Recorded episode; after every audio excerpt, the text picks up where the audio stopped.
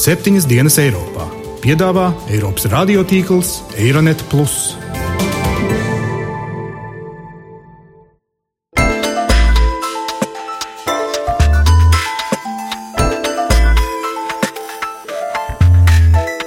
Šonadēļ septiņas dienas Eiropā dzirdēsim. Jautājums ir tā vērts. Iekombinēt zivs gēnu tomātos. GMO ir de facto aizliegts. Mēs, protams, atbalstam bioloģisko lauksaimniecību. Līgo, līgo!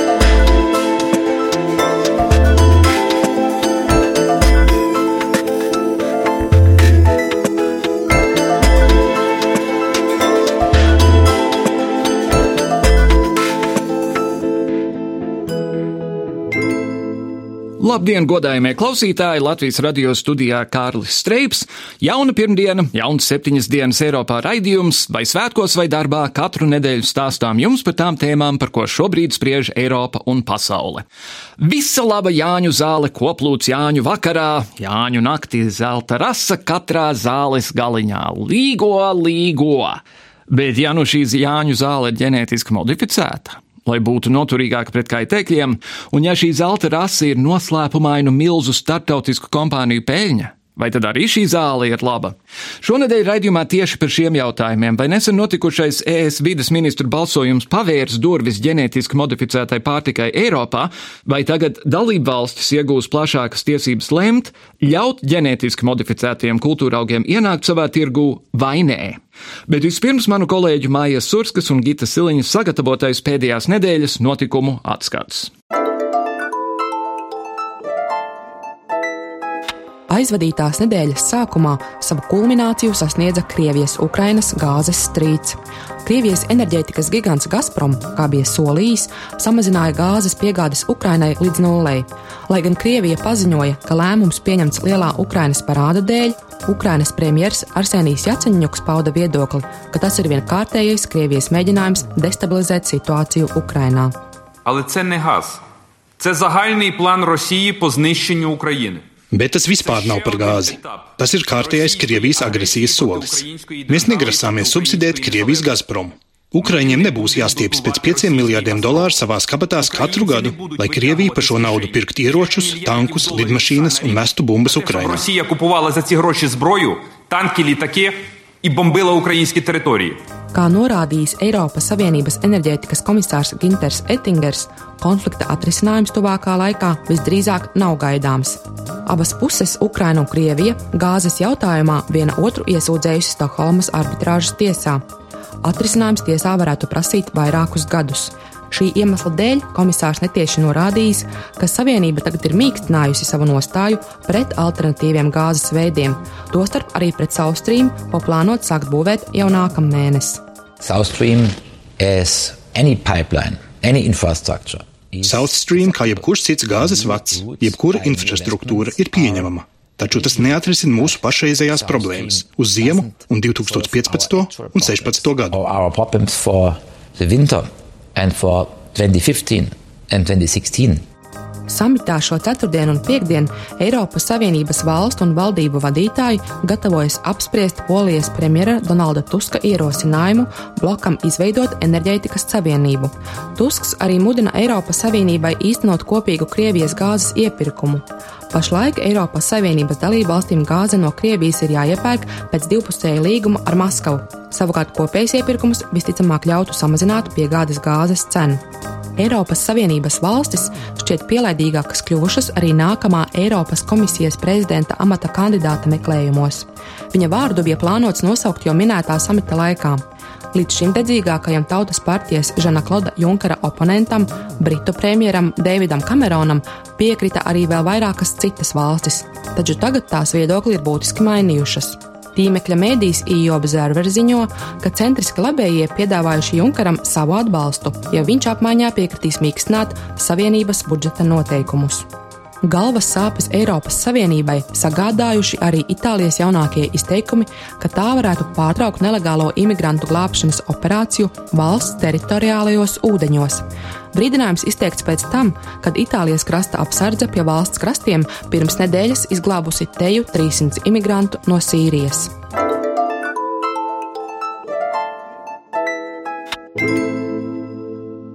Filozofs Kirkegors reiz salīdzināja sekošanu ziņām ar spaghetti ēšanu. Nežēlīgais ziņu cikls ir nemitīgs, notikumi vijas, mijas un pārklājas kā spaghetti, bet cilvēka vēlme ir ķerties pie jaunas problēmas tikai tad, kad vecā ir atrisināta.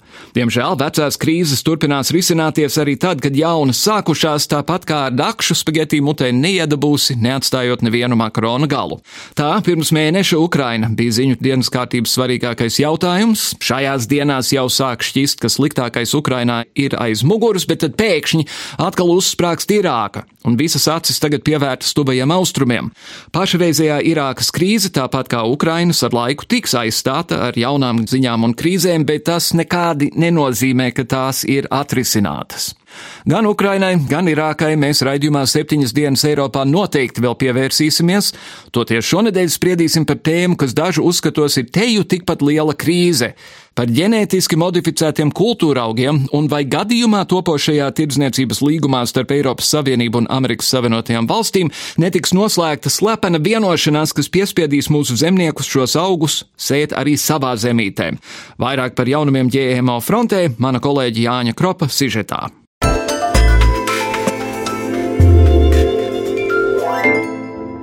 Latvija ir pavērusi durvis ģenētiski modificētai pārtikai, tiek sašutuši par Eiropas Savienības vides ministru balsojumu, kas atbalsta jaunu regulējumu ģenētiski modificēto kultūra auga audzēšanai, bija Latvijas zemes draugi. Vides aizstāvji jau ilgstoši pretojas lauksaimniecības industrijas spiedienam vairāk audzēt ģenētiski modificētos augus. Vides ministru balsojuma teorētiskais iegūms ir tāds, ka dalībvalsts it kā iegūst plašākas tiesības pašas lemt ļaut ģenētiski modificētiem kultūra augiem ienākt savā tirgu vai nē. Eiropas Savienības veselības komisārs Tonio Borgs uzskata, ka Eiropas komisijas galvenais sasniegums ir ļaut dalībvalstīm pašām lemt, audzēt ģenētiski modificētos kultūra augus vai nē. Strict European authorization rules Ģenētiski modificēto augu kultivēšanai Eiropā ir stingri noteikumi, kur izstrādē ņemts vērā dalību valstu nacionālais viedoklis. Komisija ir darījusi visu, lai radītu jaunas diskusijas par augu audzēšanu, kas ļautu dalību valstīm pašām izlemt. Šajā modelī dalību valsts pieņem patstāvīgu lēmumu ierobežot vai aizliegt ģenētiski modificēto augu audzēšanu savā teritorijā. Ja komisija pasaka nē ģenētiski modificētajiem augiem, tad šis nē attiecas uz pilnīgi visām dalību valstīm un nav apspriežams. Ja komisija pasaka jā, tad dalība valsts vienalga saglabā tiesības pie sevis ģenētiski modificētos augus neielaist. Lielāko pretestību šādai politikai ir izteikusi nevalstiskā organizācija Zemes draugi. Eiropas pārtikas kampaņas rīkotāja Mūta Šimfa uzskata, ka Eiropa sāk piekāpties ASV spiedienam. Tieši amerikāņu lauksaimniecības industrijas kompānijām Vašingtonā ir milzīgs lobbyis, un Eiropa šobrīd ir ieinteresēta noslēgt brīvās tirdzniecības līgumu ar ASV. E Mūs ļoti satrauc brīvā tirzniecības līguma saruna ietekme uz Eiropas Savienības politiku par ģenētiski modificēto augu un sēklu izplatību. Tas, ko mēs šobrīd dzirdam no lauksaimniecības industrija puses, ir, ka tradicionāli audzētās pārtikas vērtība nevar tikt sabojāta ar ģenētiski modificētu augu klātbūtni. Ko tas nozīmē? Tas nozīmē, ka patērētāji vairs nezinās, ko ēd, jo nebūs nepieciešamība norādīt ģenētiski ģenētiski modificēto izēvielu klātbūtni, vai arī lauksaimnieki nezinās, kādas sēklas sēj. Mums tas nav pieņemami. Otra lieta, ko industrija vēlas, ir, lai Eiropas Savienība pārvērtē noteikumus, kā ģenētiski modificētie augi tiek pārbaudīti. Viņi grib vienkāršot zinātniskos standartus un īsāku izpētes laiku. Mums arī šādas idejas nav pieņemamas, tāpēc mēs aicinām sarunās iesaistītos cilvēkus atcerēties, ka dažu korporāciju intereses nav svarīgākas par patērētāju tiesībām brīvi izvēlēties preci un zināt tās izcelsmi. Tāpat kā savu savu nozīmi nedrīkst zaudēt augstāki pārtikas standarti un arī piesardzīgāka politika pret to, ko lietojam uzturā. To, ka ASV centīsies panākt savu uzņēmēju intereses Eiropā, nolieks vai nu tikai aklais, vai arī naivais. Latvijas radio korespondente Briselē Ina Strasdiņa arī norāda, tiklīdz brīvās tirdzniecības līgums būs rokā, durvis tiks plašāk atvērtas daudzām lietām, tostarp arī ģēmo. Runājot tieši par GMO, ir jāsaka, ka tā ir tāda lieta, ko vēl joprojām pēta, un Eiropas Savienība līdz ar to ir ļoti, ļoti, ļoti, ļoti piesardzīga. Un īpaši runājot par Amerikas tirgu, jo par šo jauno brīvās tirdzniecības līgumu, protams, vārti būs daudz kam vaļā, un arī pārtiks produktiem. Un, protams, ka Amerikas Savienotās valsts gribēs, lai Eiropas Savienība neliedz ievest arī pārtiks produktus, tie ģenetiski modificēti, un arī ir gaļā šīs antibiotikas un hormoni, kas ir milzīga problēma Eiropas Savienībai to saprast un pieņemt. Taču Ina Strasdiņa noliedz zemes draugu pārmetumus, ka Eiropas komisija būtu jau piekāpusies ASV spiedienam. Pirmkārt, runas par ģēmo ir tik ļoti nozīmīgas, ka tās atliek uz līguma apspriešanas beigām. Īstā runāšana par pārtikas kvalitāti vēl nemaz nav sākusies, bet otra lieta - Eiropas komisija pati ir noteikusi, ka drošības standarti pārtikai ir viena no sarkanajām līnijām, ko tā pārkāpt negrasās. Turklāt ģēmo strīds arī ir tas temats, kas var sarunas par brīvo tirdzniecību vispār izgāzt. Tā kā neviena puse to nevēlas, ģēmo jautājumā būs būs jāmeklē kāds kompromiss. Viena no lielākajām ASV lauksaimniecības industrijas korporācijām ir Monsanto. Tieši šī kompānija 20. gadsimtā izveidoja lauksaimniecības ķīmiju Roundup, tāpat ražoja Indi DDT un piedāvā Eiropā ģenētiski modificēto kukurūzu. Uzņēmuma preses pārstāvis Brendons Mičeners īstā ASV jurisprudences stilā noliedz uzņēmumu intereses Eiropas Savienībā. Monsanto gadiem ilgi centās pierādīt Eiropiešiem, ka ģenētiski modificētā pārtika ir droša, bet, lai kā arī mēs censtos Eiropiešus pārliecināt, tā arī neizdevās. Šī iemesla dēļ mēs jau 2011. gadā nolēmām mainīt stratēģiju un tirgot tikai tradicionālo augu un augstvērtīgās sēklas, jeb tos augus, kurus mēdz dēvēt par konvencionālajiem augiem. Tā ir kukurūza, eļļas iegūšanai paredzētie augi, piemēram, rapsis un vēl arī dārzeņi. Mēs tāpat esam paziņojuši, ka tirgosim ģenētiski modificēto produkciju tikai tur, kur tai ir plašs politiskais un sabiedriskais atbalsts, kā arī pilnvērtīga uzraudzības sistēma, kas balstīta uz zinātnisko pētījumu argumentiem.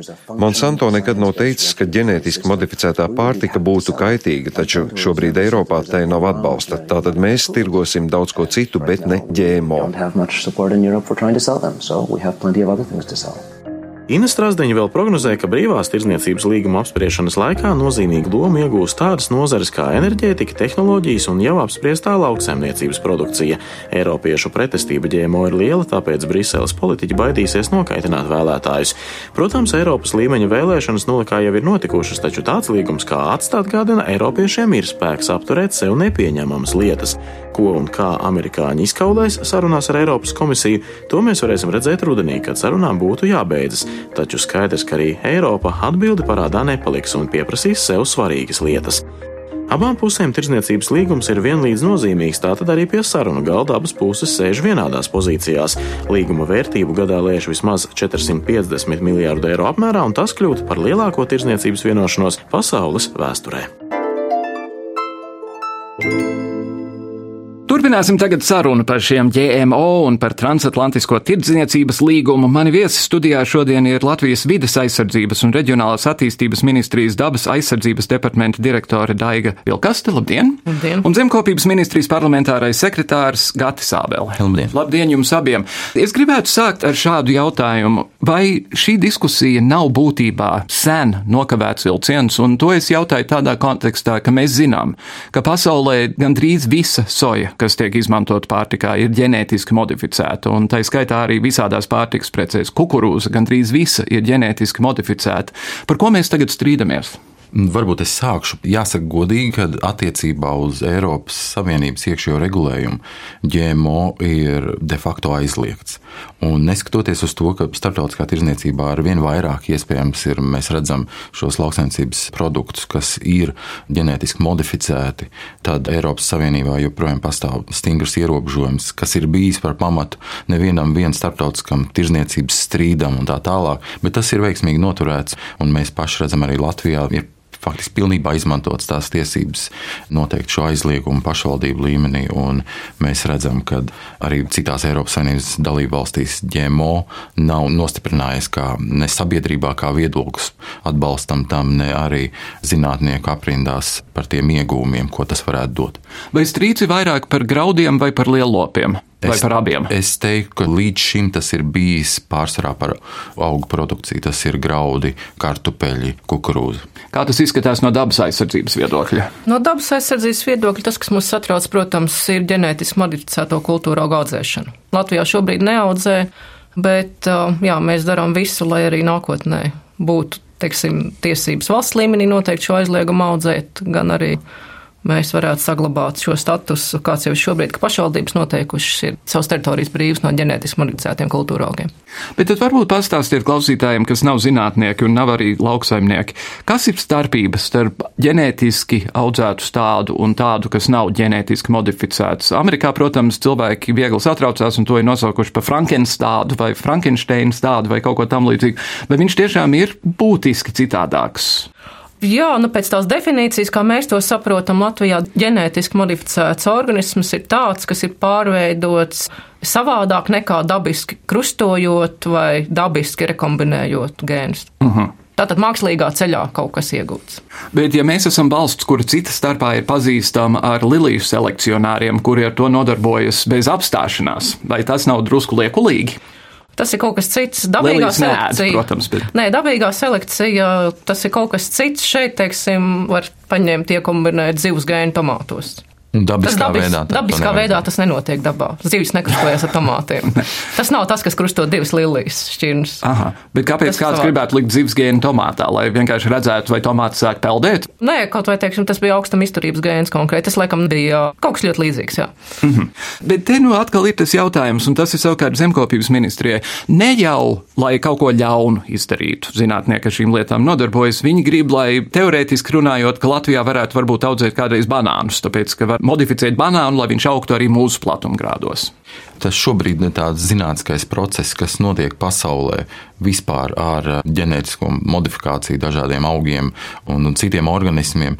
Visbiežāk tiek īstenots trīs mērķu labad. Tātad palielināt noturību pret kaitēkļiem, palielināt ražību un iespējams arī kaut kādu produktu audzēšanu ne tam dabiskos apstākļos, kā varbūt iespējams jā, banāna audzēšana. Taču tie riski, ko tas ietver, pagaidām ir pietiekami augsti un tāpēc arī saprotams ir, ka ne Latvijā, ne Eiropas Savienībā tas šobrīd zinātnieku līmenī netiek uztverts kā bezriska pasākums, un šis aizliegums ir pilnībā pamatojams. Bet kas tādā gadījumā ir tie riski? Kas notiek man, ja es ēdu ģenētiski modificētu tomātu, kas ar visu Latvijas aizliegumu visticamāk tā arī notiek, ja es tomātu ēdu kaut kad janvārī? Es domāju, kolēģi no vidas ministrijas vislabāk varēs mm. -hmm. paskaidrot šos riskus, kas cilvēkam var rasties. Jā, nu īsti gan nav mums kompetence par riskiem veselībā un par pārtiku, bet, ja mēs runājam par riskiem, teiksim, tiem pašiem kultūra augiem, ja mēs viņus audzētu, pirmkārt, protams, ir bažas, kā viņi nokļūst ā, savvaļā, nonāk brīvā dabā un, teiksim, var sakrustoties ar mūsu savvaļas augiem, kur tālāk tad, tad jau ir sekas aiziet plašāk. Teiksim, mēs dabūjām nezāles, kas ir izturīgas pret pesticīdiem, pret herbicīdiem, kurām mēs tālāk vairs nevaram pēc tam nekādā veidā cīnīties. Jo mūsu tās bažas ir par to, ka visi šie eksperimenti un mēģinājumi, kas tiek veikti, pirms tiek dota atļauja par kādu kultūru, ir, ka tas, protams, notiek mazās platībās, pēc tam audzēts tiek tūkstošos hektāru. Līdz ar to viss ietekmes netiek izvērtēts pilnīgi. Būtībā nekādas ietekmes nav ilgtermiņā. Tie visi ir salīdzinoši īsi pētījumi. Pa dažiem gadiem iet runa, bet neviens nevar pateikt, kas būs pēc gadiem 20 vai kas ir ilgākā perspektīva. Vai ir pasaulē jau vietas, kas ir jums zināmas, kas ir neatgriezeniski, kā tādā vai citā veidā bojātas šajā kontekstā? Varbūt te mēs ejam ārpus jūsu ekspertīzes. Bet...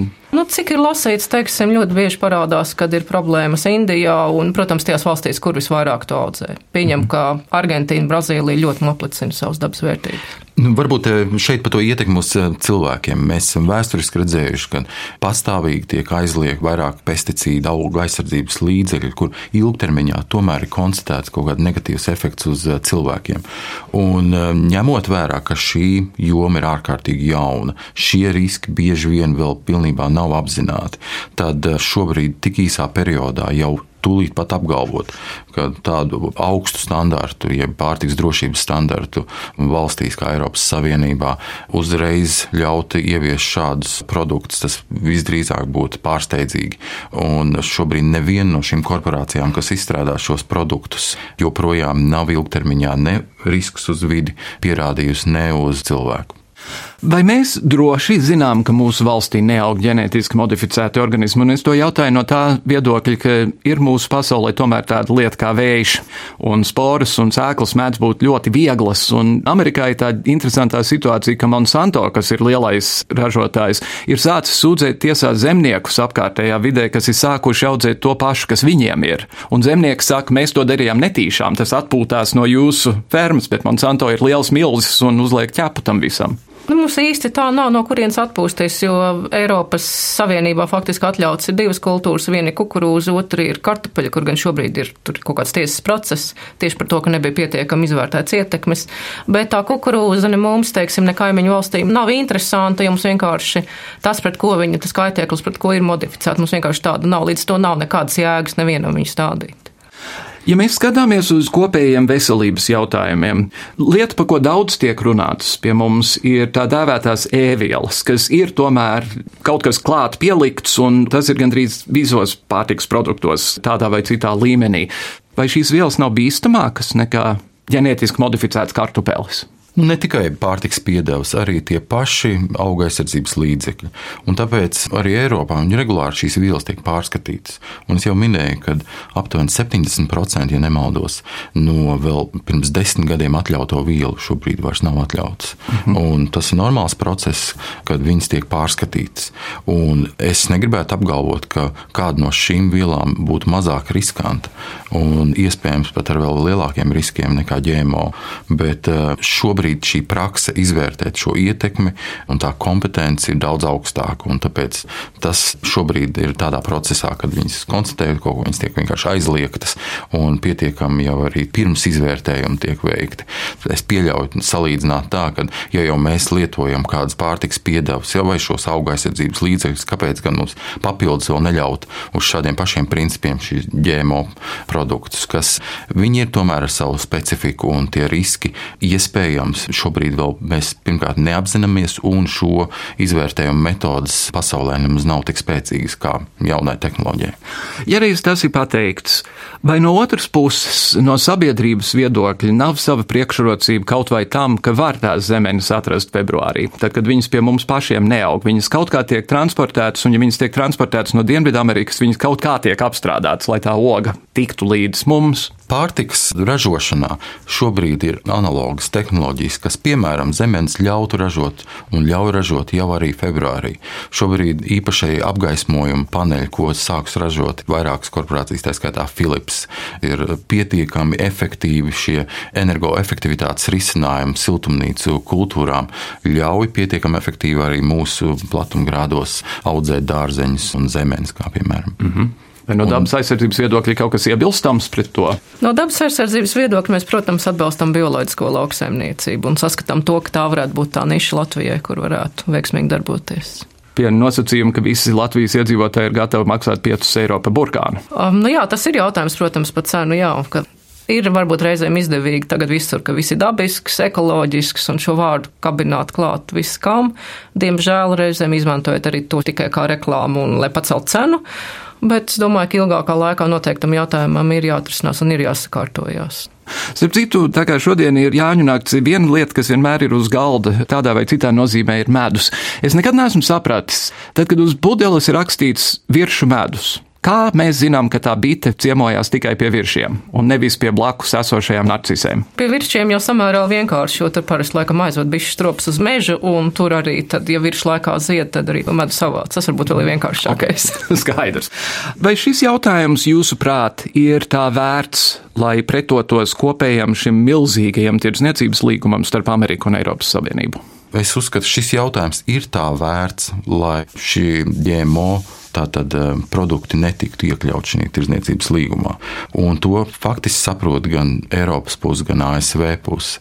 Nesenā tikšanās ASV lauksaimniecības ministriju sekretāru to arī parādīja, ka neviena Eiropas saimnības dalībvalsts nav gatava, tā skaitā arī Latvija to indicēja, nav gatava piekrist jebkādam atvieglojumam salīdzinot ar esošo regulējumu ģēmo pārtikai.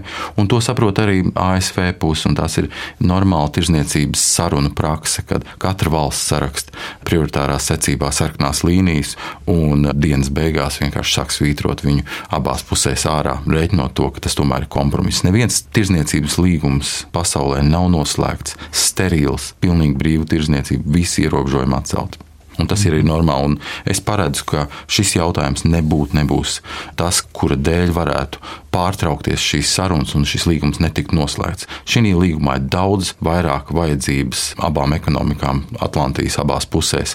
Un GMO, neskatoties, protams, uz lielo lobiju no šīm korporācijām, īpaši ASV pusē, viņš, protams, tiek likts dienas kārtībā, mēģināts iestumt iekšā, bet tas jau šobrīd ir visiem skaidrs, ka nemāta tiesu Eiropas Savienība, Eiropas komisija un dalībvalsts nebūs gatavi piekāpties šim jautājumam. Tas arī ir juridisks jautājums, jo tad sarežģītos vai līdz pat uh, līdzīgu likteni varētu piedzīvot šis līgums, salīdzinot ar jau mums pieredzēto aktas līgumu. Mm -hmm. Kādā kontekstā lauksaimniecības ministrs no Amerikas bija Eiropā? Kādā kontekstā jūs ar viņu tikāties? Tieši kontekstā ar šī līguma noslēgšanu, ņemot vērā, ka lauksaimniecības sektors ir viens no jūtīgākajiem šī līguma sastāvdaļām. Mm -hmm. Un mēs izrunājam vairākas jautājumus, tātad specifiski GMO indikācijas, kad Eiropas Savienībā tā ir pilnīgi sarkanā līnija.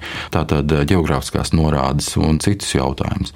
Taču būtiskākais, ko manuprāt izdevās vienoties eh, dalībvalstīm, kur Vācija un Latvija, mēs uzsvērām, ka beidzot ir jāpadara atklātāks šis process. Šobrīd šī slepenība abās pusēs ir faktiski traucējoša, ir radušies milzīgi stereotipi. Un komisija un ASV lauksainicības ministrs piekrita darīt, ka mēs palielinām to atklātību, sākam publicējam vairāk šos līguma projektus, un eh, lai jau šī procesā mēs redzētu, kas tur ir iekšā, un sabiedrība plašāk būtu iespējams diskutēt.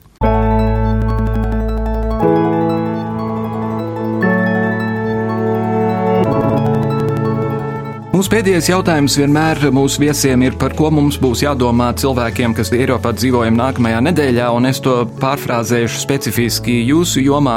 Kādā stadijā tas līgums pat laban ir? Kad mēs varētu paredzēt, ka viņš varētu tikt parakstīts un stāties spēkā? Mm, mans minējums drīzāk būs, ka tas būs ne ātrāk kā nākamais gads.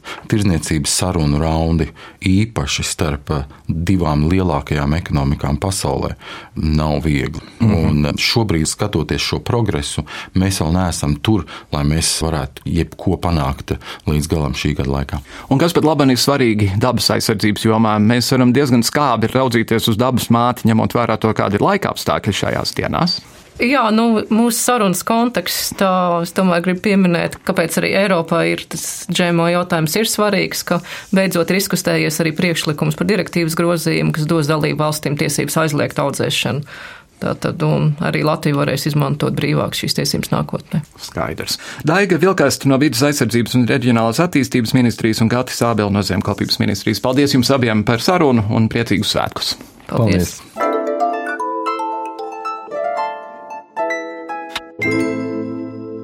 Atslēdziņa nolūzusi manam dziesmu pūriņam, lai dziesmiņas pataupās līdz Jānīša vakaram.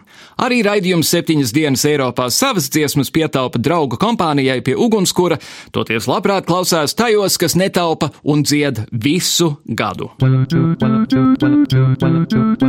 Ko piedāvā saskatīt un uzzināt Latvijas Universitātes botāniskā dārza direktore Anta Sparinska. Tā kā strādāju botāniskajā dārzā, un esmu bijusi ilgs laiks saistīta ar visādām dārzkopības lietām un pasākumiem, kas notiek pasaulē, tad nu, man arī šodien interesē vairāk tāda liela dārzkopības notikumi ir Eiropā.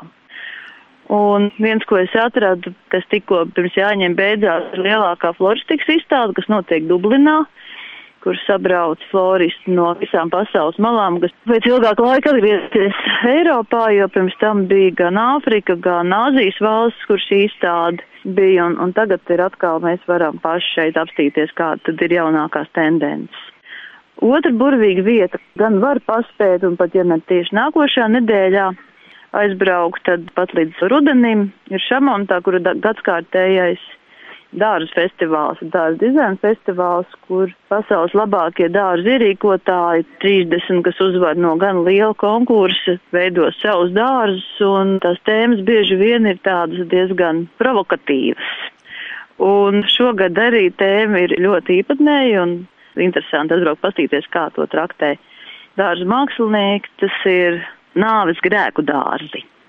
Un vēl visiem tiem, kam ir zaļie īkšķīši, tiem ir jādodas uz Kornvalu, kur burvīga ēdienas projektā var saņemt pamācības un dalīties pieredzē ar citiem un gūt gan jaunu iedvesmu, gan jaunu pieredzi dārza kopšanā. Un ēdienas projekts ir, protams, tāds, kurā var iegriezties jebkurā laikā un kaut ko jaunu unikāli gūt. Un, protams, ka botāniskie dārzi visu cauri Eiropai, gan arī katrā pilsētā sev cienīgā ir botāniskais dārzs, kuros notiek katras sestdienas, svētdienas gan koncerti, dažādi izstādes, svētki, un kuros vienmēr ir skaisti. Ar to arī izskan mūsu raidījums šajā nedēļā, dāmas un kungi. Paldies, ka klausījāties. Runājot par šiem GMO, dzīvosim, redzēsim, kas īsti ar viņiem notiks, bet katrā gadījumā šodien visvairāk vēlos jums visiem vēlēt ļoti priecīgus Jāņus, skaistu līgo vakaru šovakar, bet pats galvenais šajā vakarā es vēlos atgādināt, alkohols un automašīnas atslēgas nekad neiet kopā. Līdz nākamajai nedēļai. Visu labu!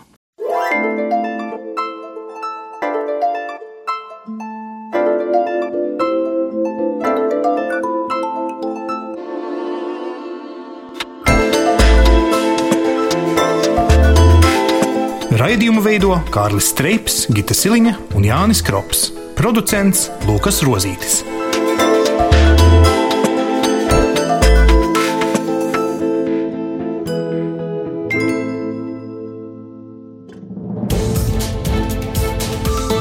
Visus Eironet plus sižetus un raidījumus meklējiet Latvijas radio mājaslapā.